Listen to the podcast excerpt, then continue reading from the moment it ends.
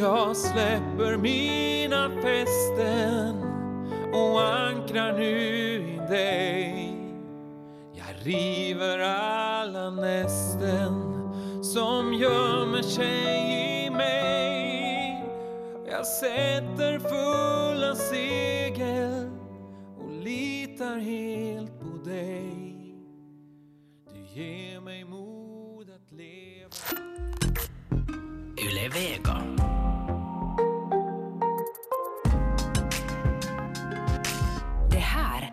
Yle Vega. Visst är det det då klockan är just 17 minuter över nio denna onsdagen den 2 januari 2019. Vi har nytt år, men traditionerna fortsätter åtminstone en del. En av traditionerna att första onsdagen i månaden så är det vid det här klockslaget dags för Naturväktarna, så även idag. Eh, Och eh, jag säger eh, god förmiddag till biolog Hans Hestdacka med mig här i, i Vasastudion där jag själv sitter. Hej! Ja, morgon, morgon. Och i Böle har vi biolog Jörgen Palmgren och också Annika Ljungberg. Hej på er också! Hej hej. Och hej på er. Hej hej! Vi ska börja med lite formalia så här. Nytt år och så vidare. Hur har nyårsfirande förflutit för er bästa vänner? Och helgen i övrigt. Ja, traditionellt och, och med gott resultat. Och, nu har man ett helt nytt år Ja. till sitt förfogande. Det känns bra. Nya möjligheter. Ja. Och jag har börjat mitt år med heldagsfågelskådande som, som det brukar vara. Jaha. Okej. Och Annika? Ja, det har varit jobbig dag och igår. Precis. Och hörni, ska vi börja med riktigt det aktuella? Stormen och så var det fyrverkeriskjutande, trots att det blåste en hel del. Det här påverkar både djur och natur. Återkommer det där med fyrverkerierna vid nyår, hela landet. Här i Österbotten också vid villavslutning venetiansk. Det här är ett otyg, anser många djurvänner och i synnerhet djurägare. Hundar är känsliga för sånt här oväsen. ja, de här fyrverkerierna är nog ett helvete för, för hundarna. Det är nog verkligen tufft för dem. Det är årets uh, värsta dag. Nyårsafton och, och sen också villavslutningen venetianen. Så det är två, två grymma kvällar och nätter för de här hundarna. Mm. Nu kombinerat med det här blåsvädret också. Det är kanske något som djuren reagerar på. Ja, no, de tar ju det mera med ro nu det blåser. De blir oroliga av det, en del åtminstone, med, med just alla smällar och raketer. Så det är nog eh, hemskt för dem. Mm. Likadant är det med villavslutningsfirande också, då vi skjuter mycket raketer och där drabbas ju skärgårdsnaturen till exempel. Övernattande tranor i skärgården, de är ju alldeles ifrån sig när, när det smäller raketer överallt. Plus en viss nedskräpning. Ja. Annika, det här har visst diskuterats på Naturväktarnas Facebook-sida också. Ja, det här har tagits upp i, i några inlägg. Att man har spekulerat både kring hur husdjur och hur vilda djur reagerar på de här ny, fyrverkerierna. Mm. Nåja, men hej Jörgen, menar du alltså att du var ute igår och, och spanade in fåglar Jo, jo, hela dagen. hela dagen? Ja. Men hurdant väder hade du hos dig här i Österbotten? Så var det blåst Nå, grymt alltså? Nå, det blåste måttligt. Här i det där Helsingforstrakten så var kvällen var väldigt, det var väldigt svag vind i själva verket. Mm. Inga rekord? Nej, nej här, var, här, var, här var liksom alldeles, det var bara några meter per sekund här. Ja. Men, men på morgonen idag, på morgonen blåste det ordentligt, men, men vi talar ju om gårdagen så att Ja.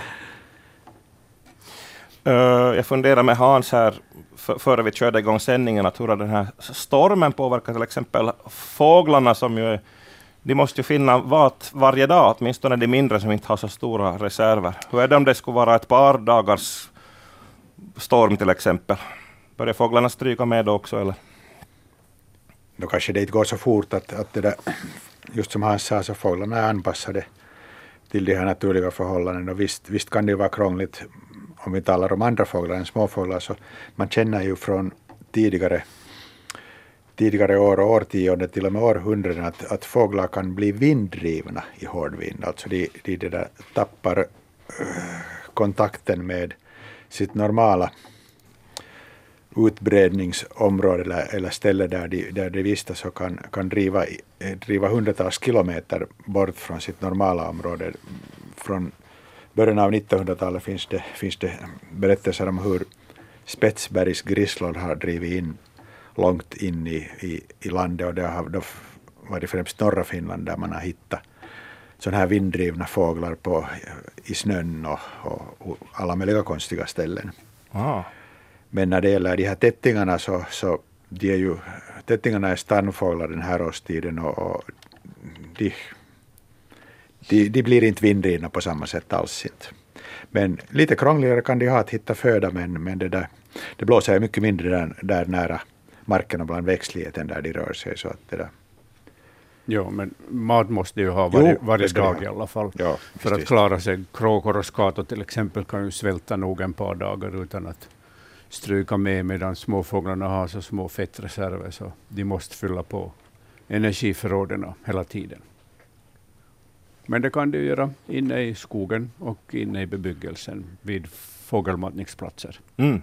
Ja, jag har märkt det vid, vid mina, mina utfodringar eh, att vinden inverkar hemskt mycket vilken av dem de besöker. Jag har, om vi kallar det huvudutfodring, eh, på det sättet att nordliga vindar tar på där ganska illa och, och jag märker att tättingarna inte överhuvudtaget besöker den utfodringen då när det blåser riktigt bussigt från norr. Ja.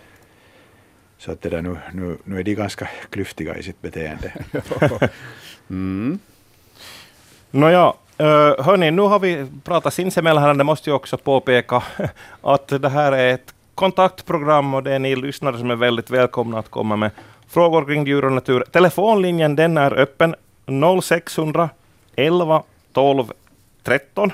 Beredd här att svara på samtal och vi sänder ju fram till klockan 11 givetvis. Och så har vi också en eh, e-postlåda och eh, Annika, den har du bra koll på vad det har kommit in.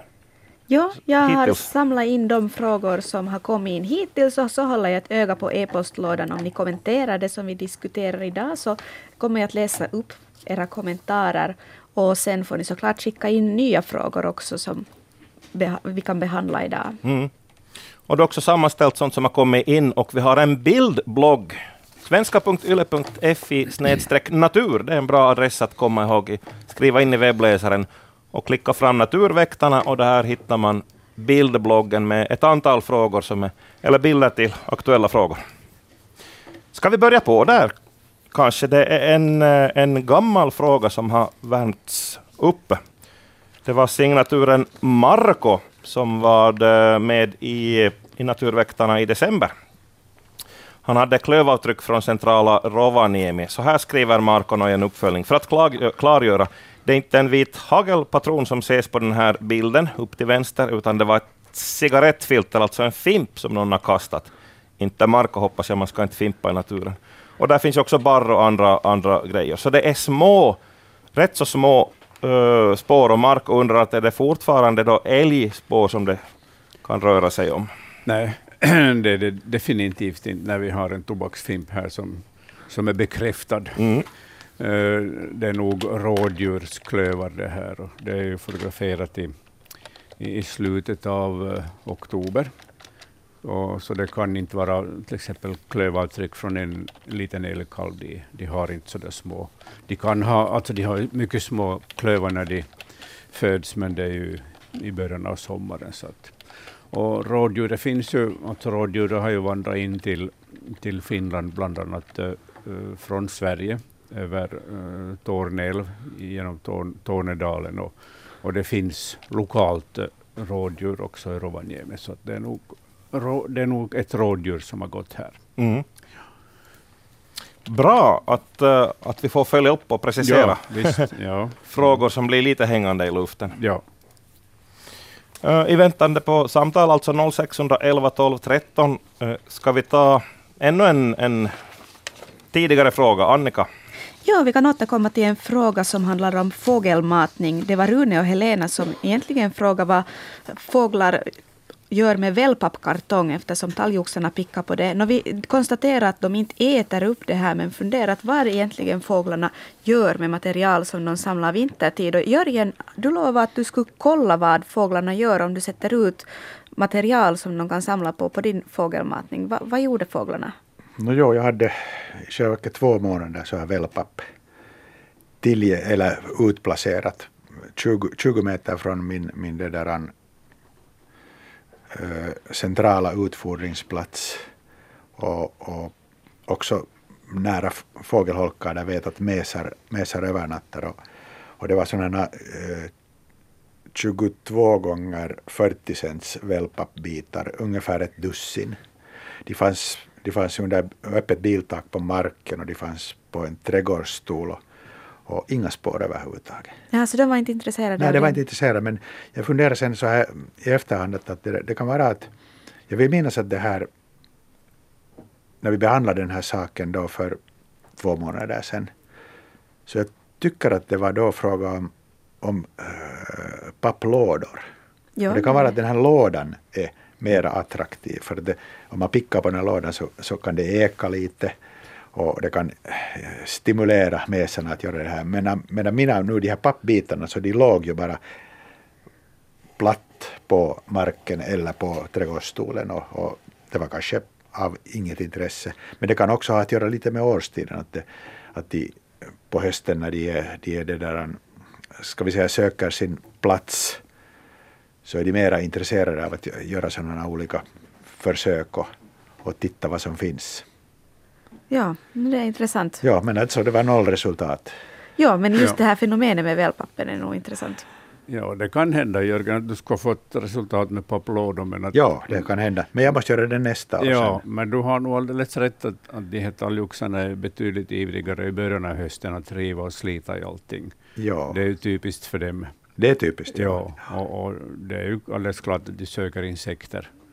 Jag har aldrig, jag brukar ju tömma småfågelholkarna på, på våren före häckningen och, och, där har inte funnits något nytt material som till exempel talgoxarna skulle plocka in i holkarna med tanke på värmen, utan gammalt boavföring från vintern.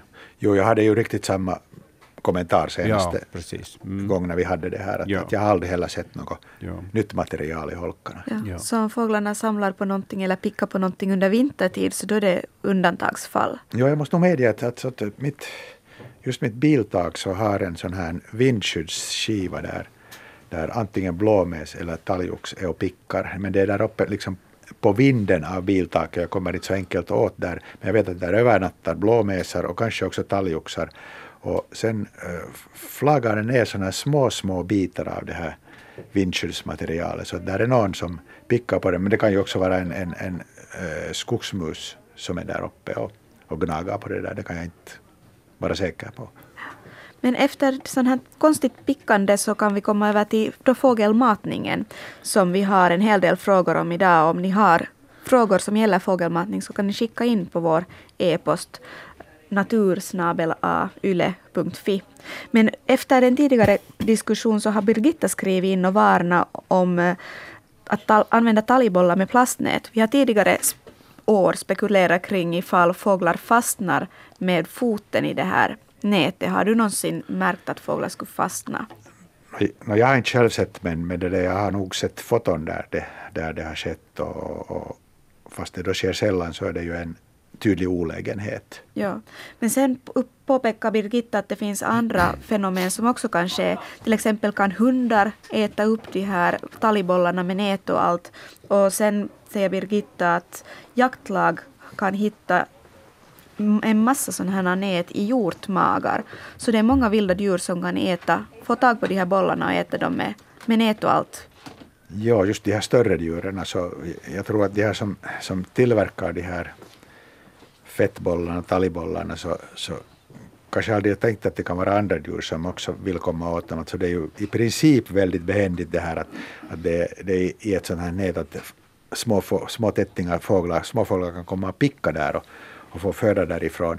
Men de har inte tänkt sen på att det finns större djur som kan svälja de här hela. Och, och, det, det, är sånt som man sen inte ser för att de här hjortarna som, och rådjuren som rör sig nattetid, så de här bollarna bara försvinner. Och, och, det är ju det att de här större djuren kan inte liksom, de kan inte, de, om de är intresserade av det här innehållet, de kan inte plocka ut därifrån någonting utan de sväljer dem då hela och det är säkert det här som har skett då om, om jaktlagen har rapporterat om, om sådana nät i, i det där djurens uh, matsmältningssystem.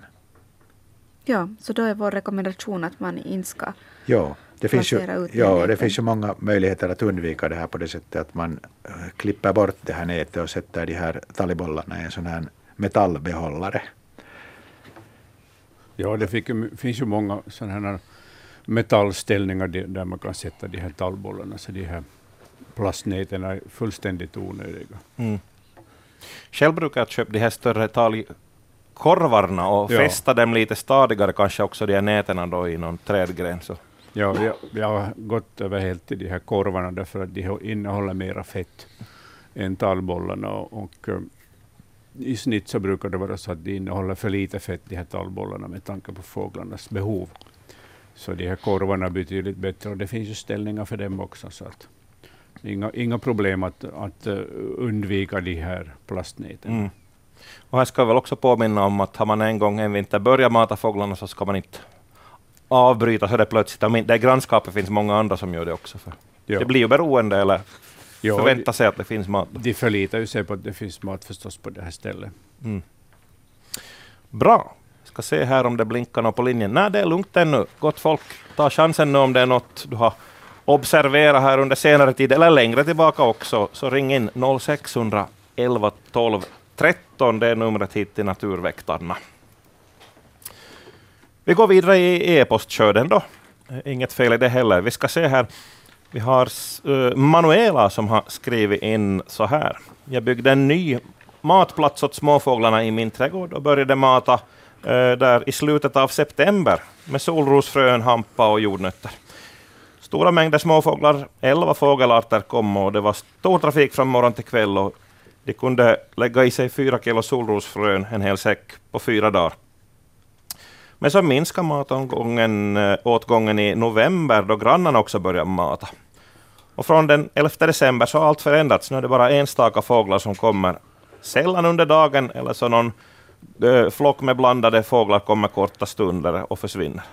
Vad, vad har hänt? Är det normalt att fåglarna slutar komma så här? Tacksam för råd eh, om jag kunde göra något för att få tillbaka fågelkvitter och glädje som Manuela avslutar. Ja, vad kan ha hänt? Har de blivit skrämda av någon där och, och kommer ihåg det eller hittat bättre restaurang? Ja, det kan ju vara att, att sparvhök eller sparvuggla eller båda två har börjat jaga småfåglar här. Och, och jag själv varit med om, om det här fenomenet, speciellt med sparvhök som, som kommer och jagar och när de har slagit till några gånger med lyckat resultat så brukar fåglarna hålla sig borta en längre tid. Mm. Det kan vara den främsta orsaken till, till att de har uh, övergett den här tydligen ganska populära matningsplatsen. Då. Ja. Ja, jag har prick likadana obs observationer och erfarenheter som Hans. Att jag har haft sådana höstar där det har funnits gott om sparvugglor så har jag haft sparvugglor vid min utfodring och fåglarna har helt enkelt de har försvunnit helt och jag upplevde ungefär på det här samma sätt. Vad är det nu som är riktigt på toks? Ja. Tills, jag, tills jag märkte att okej, sparvugglan är här och, och ö- övernatta i en, en, en, en sparvuggleholk i själva verket. Nästan övernatta, alltså fast på dagen i en sparvuggleholk. Ja. och, och det där fåglarna var verkligen borta. Och, och lite liknande med sparvhök, men inte så här lite, lika totalt Ja. som sparvugglan förorsakar. Vi får fortsätta den här diskussionen, men nu ringer det faktiskt någon, så vi ska ta in ett samtal och säga hej och välkommen till Naturväktarna. Vem har vi med oss? Hallå? Ja, personen la på just som jag tryckte på knappen. Ring in hör du på nytt på 0611 12 13. Äh, Jag har en uppföljande fråga här då. Minns man i flocken liksom den här oförrätten då, där finns en farlig fågel? Jo. Och går ryktet vidare? Eller, eller, de, de kan ju inte berätta åt varandra, men att de, det finns de här ledarfåglarna som styr kanske att dit far vi inte. Nå, nu, hej, nu får det bli hängande, för nu ringer någon igen. hej, välkommen till Naturväktarna. Gott nytt år, naturväktare. Detsamma. Vem har vi med oss? Det är Kenneth. Kenneth, hej. Det där, jag har en fråga som gäller de här utfodringsplatserna. Och det är den att hur hittar sällsynta fåglar till utfodringsplatser? Jag har en eh, nära mitt köksfönster bakom en granhäck. Och den är mycket populär bland tättingar och, och, och, och det där. Och eh, en massa andra olika fåglar. Jag har väl haft en 15 olika eh, saker här tills vidare under den här säsongen så att säga. Men jag hade, det mitt i allt så kom det en, en gråspett och jag undrar hur den här gråspetten som ändå är en ganska sällsynt fågel hittar hit.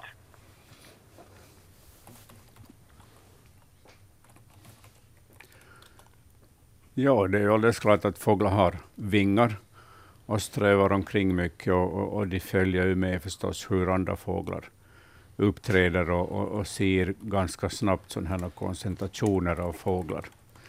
Så att det här, eh, nu, jag tror det är relativt lätt för dem att hitta de här matningsplatserna. För, för eh, just på grund av att de, de kan eh, genomströva ett stort område på en kort tid och sen har ju fåglar oerhört god syn och, och ser precis vad andra fåglar sysslar med också. Så att det, här, det är nog den där främsta orsaken till att de hittar de här matningsplatserna. Så att, att eh, de, de så att säga spanar, de flyger omkring och spanar och så Ja. ser, de, ser, de, ser de en massa fåglar någonstans. Ja, det där är ett intressant ställe och så kommer de kolla närmare. Jo, jo. Ja, de de är mycket ändamålsenliga i sitt liv, de här fåglarna, så att de, de har inga svårigheter alls att hitta sådana här koncentrationer av fåglar vid matningsplatser. Okej, Mm. det är bra. Ja. Då hoppas vi att den hittar tillbaka. ja, de brukar komma alltid emellanåt. Jag brukar ha en gråspett på besök, eh, inte varje dag, men sådär med några dagars mellanrum, så kommer den och hugger in på de här fettkorvarna. Och, och gråspetten har ju, har ju sina speciella klockslag. Att de Ja. har förkärlek för tidig morgon, en timme till och med före soluppgången och sen eftermiddag, sent, nästan mörkt ännu så, så kan de komma. Ja, den här var nog faktiskt eh, mitt på dagen. Jo, det, det är liksom också normalt, men, men det, där, det, man, kan, man kan lätt förbise den om man inte kommer ihåg det här att den, den kan komma väldigt tidigt och väldigt sent. Tidigare Ja, än, ja. än någon annan fågel och senare än någon annan fågel. Ja, ja, de, första, de första fåglarna brukar normalt komma hit eh, just före soluppgången. Jo, no jag har, mina koltrastar kommer ett par timmar före soluppgången, men jag bor alltså i tätort så det är lite annorlunda. Ja, ja, okej. Bra, bra. No, men då fortsätter vi att spana efter fåglar. Jag önskar er en god fortsättning på det nya året. Tack ska du ha. Tack, Tack för ditt samtal. Hej då. tack. Hej då. Och här under det här samtalet var det någon annan i kö. Ring på nytt 0611 12 13. Ja, min, min ödmjuka fråga här före var att, ja, att, att sitter det här i liksom, att man, om, man, om det blivit skrämda till exempel, att då Det kommer kan- de ihåg att fara inte dit. Ja, de kan nog undvika en sån här matningsplats en vecka och två veckor till och med. Och, och, och eh, sen kommer ju någon och skådar och och blir de anfallna på nytt. Så, så sprider sig ryktet att det lönar sig inte att, eh, att flyga till den där matningsplatsen. Så att, nog minns de nog. Mm. Mycket bra. Nu, hej! Som på beställning, här kommer nästa samtal. Hallå och välkommen till Naturväktarna. Vem har vi med oss? Lindberg från Solm. Hej! Jag hade en sparvhök här som hade tagit en mes. Ja, Det förundrade mig över bakom min bolltoja och flög inte iväg. Jag, Kan du upprepa din fråga? Vi har lite halvdålig linje här. Vi hör ibland bara vartannat ord som du jag säger. ska gå när jag har radion på det. Alltså när jag, det var egentligen inte en fråga, jag skulle bara vilja berätta att den där sparvhöken var inte rädd. Satt där med hon på sin halvätna mes och bara tittade upp på mig. Ah. ja det, Och så, sen fyllde jag ju på bara nötterna som så, jag, så gick jag bort för tänkte att någon, den behövde väl mat och den dagen kom inte småfåglarna mera, men följande dag var de nog tillbaks. ja, det är alltså om en sparvhök kommer bara någon gång eller i förbifarten och plockar en fågel så då stör stöder inte småfåglarna. Men om det blir då en eller två sparvhökar eller sparvugglor standby på ett ställe så, så då, då försvinner nog småfåglarna.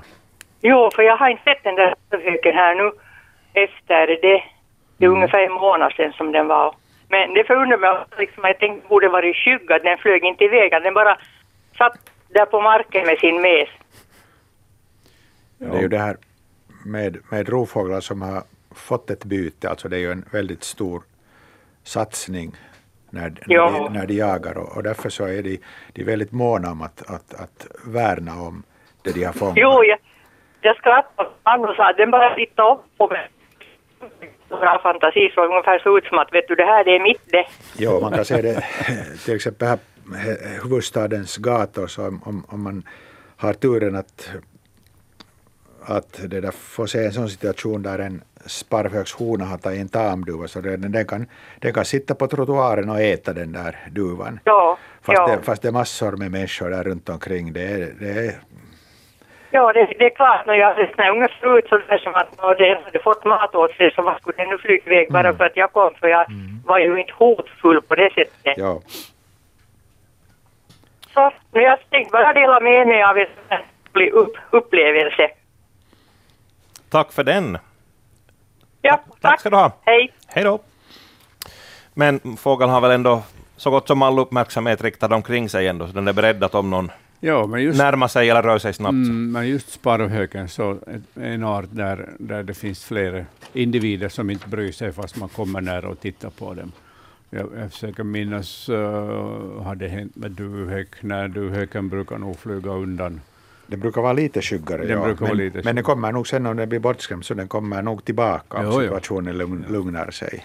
Ja, och speciellt uh, duvhökarna som du har i Helsingfors, så Ja. de, de är ju vana vid människor. De är väldigt vana. Ja. Ja, ja. Men det är nog ganska typiskt för sparvhöken att den kan stanna så där och, och titta helt öppet på en människa. Att, Jaha, okej. Mm. Den kanske vill ha uppmärksamhet. Se på mig. Ja, den vill äta maten förstås. ja. ja. Mm. Hur är det, eh, på tal om det, om, någon, om en, vi ser nu då en sparvhök har tagit ett byte. Hur ofta händer det att någon annan, någon artfrände kommer och vill försöka få en munsbit också? Det har jag inte sett. Hur Inte, det, det inte heller. Inte. De har nog disciplin där. Att, Ja. Ja. Okej. Ska vi bläddra vidare i e-posten? Vi har ju en del äldre frågor som ligger kvar också. Jag tror vi, vi kollade senast vårt... Nej men se, nu ringer det någon hej, när vi börjar prata e-post. Det är bra att det ringer folk. Hallå, välkommen till Naturväktarna. Vem har vi här? Ja, hej, det här är Lotta från Degerby. Hej Lotta. Hörru, jag, jag tänkte jag berätta er en sån historia liksom, jag matar mycket fåglar. Och jag har såna här, äh, såna här vad heter det, äh, fett, fett, nötfettkorvar som jag hänger ut. Och en morgon när jag tittade ut, nu var den full med långa svarta pinnar. Jag tänkte, vad i herrans vänster. Och så satt det i varje ända på pinnen så var det en stor vit rund boll. Mm, då vet ni nog vad det är frågan om. Det var en hel svärm, en enorm svärm med, som jag kommer till, det måste vara stjärtmesa. ja, det stämmer alldeles. Så, Och, och en del var så gott som helt vita och en del har ett svart V liksom på ryggen med brunt emellan. Men, men det är ju alltså oproportionerligt den här det är som klubba på, på, på en pinne. När man inte har sett den förut. Och Ja. plötsligt ser man massor. ja, Och det har de, kommit, det har kommit flera gånger nu med att man, man är alldeles häpen och tittar på det. Hur klarar de det styrande svansen? Jag menar stjärten. Ja. Alltså, Det är det, är, var det så att de, fåglar. de ryttlar där och pickar i sig? nej, Nej, nej. Jo, Nej. jo, jo. Visst, där sitter de och äter. de klänger Sitter och äter. Ja, de klängde. Ja. Ja. De Mm. klänger på den där stången och sticker de stjärten ut åt alla håll. Och stången är ju ganska ljus. Så när, när de sk- skunt på morgonen så ser man ju bara de svarta stjärtarna. Det var en häpnadsväckande syn att man kan fotografera men att Ja, själv, hur vanlig är stjärtmesa? Jag har aldrig sett den förut.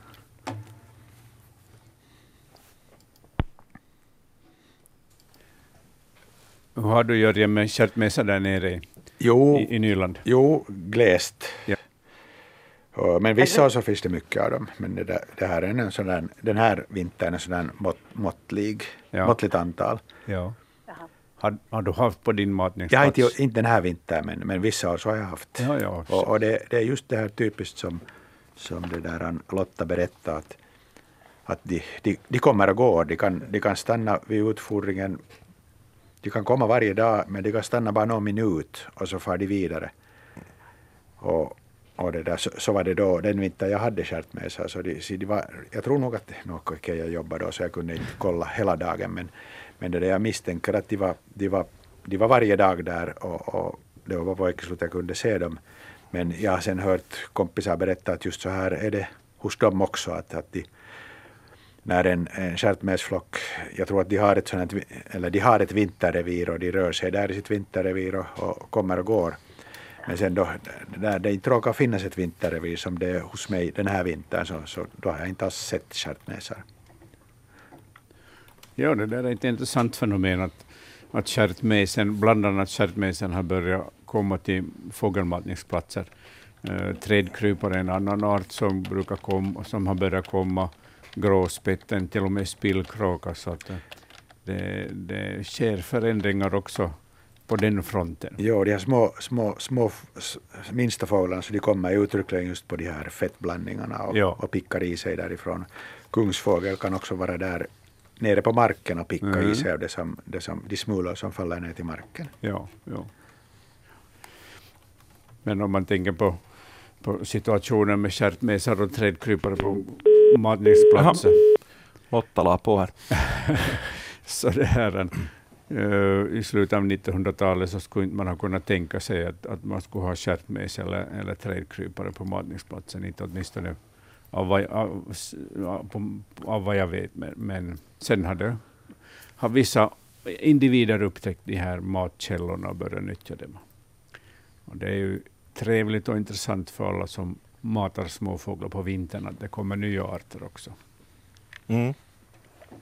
Hur stora flockar kan det vara, uh, Lottan? Sådär, det går inte att räkna förstås, men no, är det liksom... Nu brukar det gå att räkna att de är, de är liksom va, vanliga storleken så den här året, eller, eller slutet, slutet på året, början på året kan vara sådär mellan ska vi säga knappt 10 är väldigt vanligt. Sen, sen kan det ske bortfall under vintern så de vanligtvis de flockarna minskar i, individ, i, i individantal eh, ju längre vi kommer fram till våren och sen i något skede så, så det där en, bildar de par och så, så, så finns inte flockarna mera kvar. Inte. Mm. Bra, det om detta. Ska vi ta en titt på e-posten? Annika, hur ser det ut på den fronten? Ja, det har kommit in eh, några kommentarer. Vi ska ta en som, som behandlar djurmat och, vad som passlig mat för fåglar. Det är Affe som har konstaterat att kråkorna huserar nu för tiden på begravningsplatserna, till exempel i Solf, och äter gravljus i stearin. I stearin. Och hur farligt är det för fåglarna att äta stearinljus? I varje fall ser Jörgens ansiktsuttryck ut så att det kanske inte är så bra. No, jag vet inte i men det, det är otrevligt att medge att jag inte vet. Ja, det var det ansiktsuttrycket beredde på. Men med det där, nu, nu, har jag hört om det här. Ja. Ja, sorkar och möss brukar också ja. gnaga på stearinljus på, på sommarstugorna och sherrystugorna under vintern. Och, och jag har inte hittat åtminstone några döda exemplar nära ljusen, men fettet tar det tillvara, men det kan ju inte vara bra att äta stearin.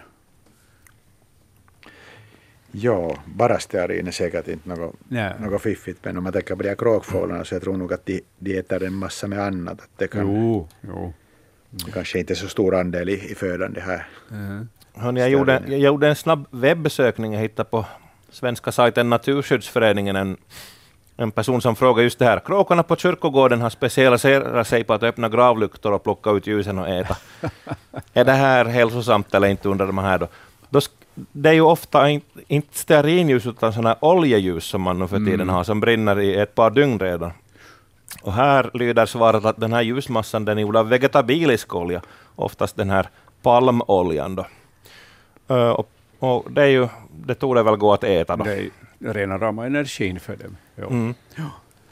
Så de, de vet nog vad de gör, de här kråkfåglarna. De är ju världens smartaste fåglar, kråkfåglarna. Så att beundransvärda i, sina, uh, i sin nyfikenhet och, och, att de lär sig nya, nya möjligheter mm. och nya yrken hela tiden. Men man ska kanske inte ändå hänga oljeljus och hänga, köpa dem och hänga ut istället för talgkorvar. Även om de tydligen är ätliga.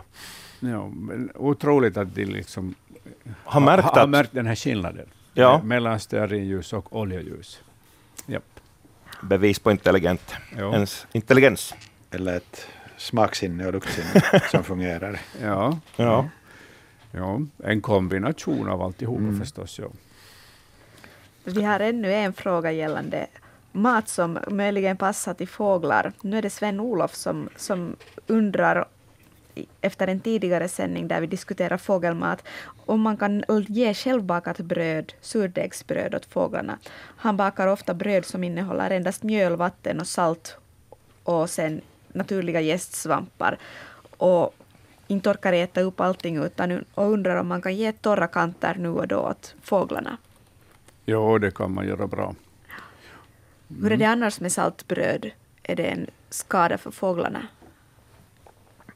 Saltandelen i brödet är ungefär en procent eller Ja, Ja, där kring. det klarar de bra. De, alltså fåglarna har ju, har ju förmåga att utsöndra salt med urinen, så att uh, salt i och för sig är inte farligt, men det är klart om de äter mycket saltmat under uh, kalla perioder, så då måste de äta snö för att, för att det här det systemet ska fungera. Då kan de ju bli lite nedkylda eller förlora en del energi. Men, men så det i princip är ju inte salt uh, någon fara för dem i vanliga livsmedel. Men hur är det annars med bröd som, som mat åt fåglarna? Man kan kasta brödsmulor. Det är många som kastar brödsmulor åt änder eller, Mm. eller kan tänka sig ge fåglar gamla brödkanter. Jo, det går bra för änder och kråkfåglarna kommer gärna och plockar åt sig de här, medan småfåglarna håller sig till så fettrik föda som möjligt. Fast det sägs ju nog att det inte är bästa möjliga för, Nej. för ändar, men det där, Nej, men det går att... det går. Ja, ja. Bra. Eijon, eh, klockan tickar. Första timmen av Naturväktarna lider småningom mot sitt slut, men vi hinner nog med både samtal och e-post här ännu. Och här blinkar det faktiskt till just i, i telefonen då jag säger det. Hej och välkommen till Naturväktarna. Vem har vi med oss? Ja, det är Stig från Drakksätt här. Hejsan. Hej på dig du Stig.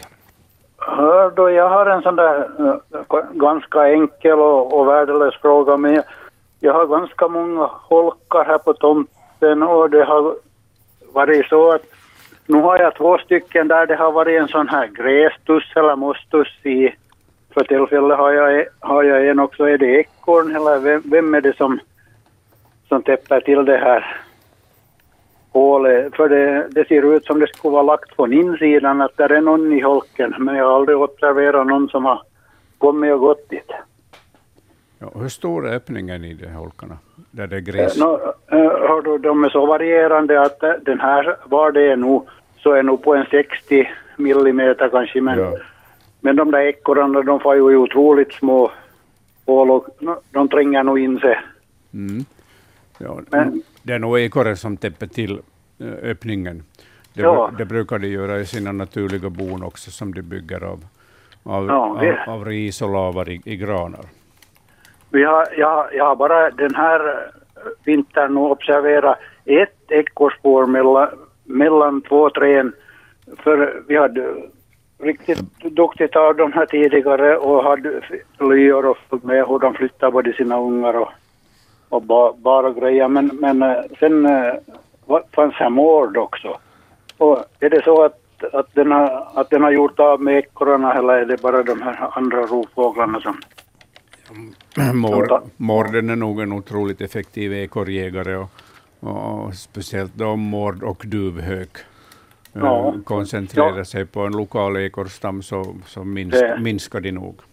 Det finns ju var det, var det av dem. Ja, ja. Ja, ja, nej men. Sen det här med det här eh, har jag förundrat mig länge över det här till, till städa fol, äh, folkar och det här. Jag menar de här naturliga träden, inte kommer ju någon åt på dem heller att, att jag har, eh, bara då det har varit något fel på holkarna så har jag tagit ner och, och tömt och putsat dem. Ja. Men, eh, men nu, har jag, nu har det funnits fåglar i alla holkar genom alla år. O, utan att man har gjort det där så, så är, det, är det faktiskt riktigt så där nödvändigt att man ska göra det heller. Nå, jo, riktigt nödvändigt är det inte, men, men där, är, där är fördelar för dig som, som är holkägare så det förlänger holkens liv, livslängd så du behöver Ja, inte... ja, ja det förstår jag. Men, och sen, just, Och sen, minskar det också ohyran i de här holkarna. Att det Ja. finns parasiter i, i det här bomaterialet och när, när få, fågelparet på våren erövrar en holk så, så det där, har de, de, de lyckas bättre med häckningen om, om, om det, Just om det är det, ja. ja.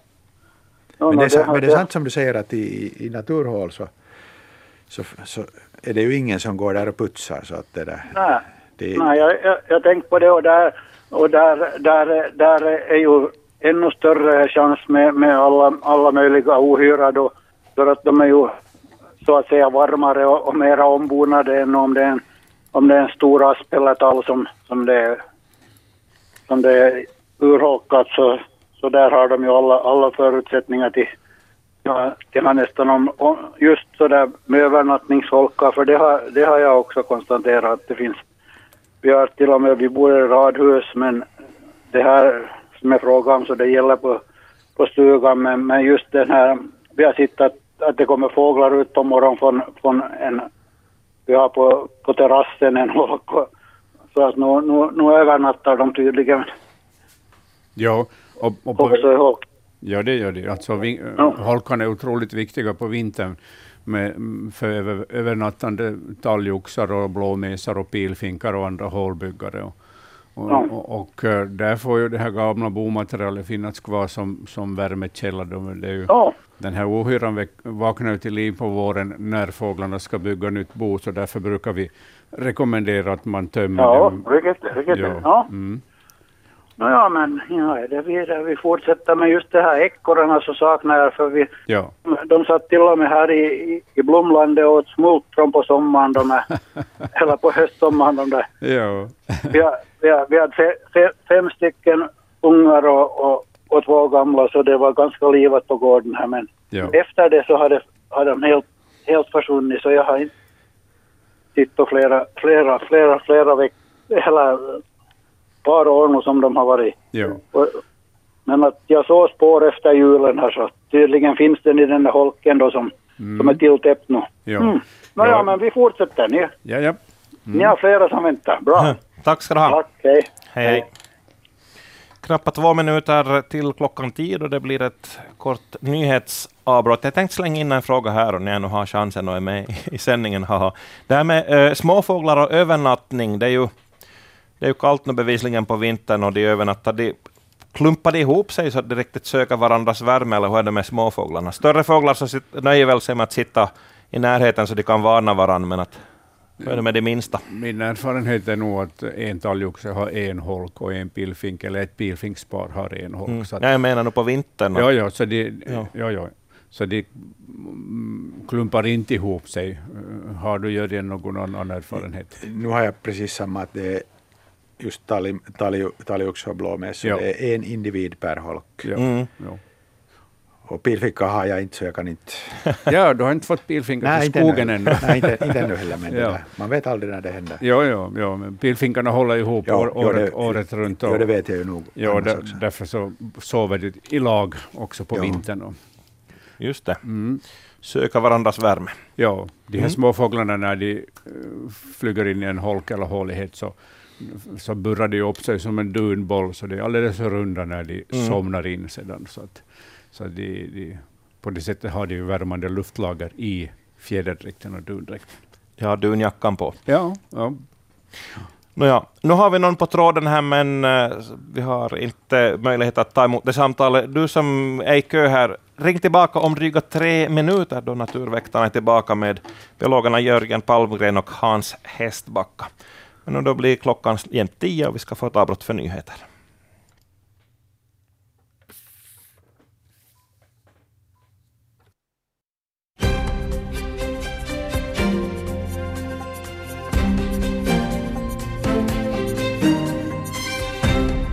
Det här är nyheterna klockan tio med Mikaela Remes. God förmiddag.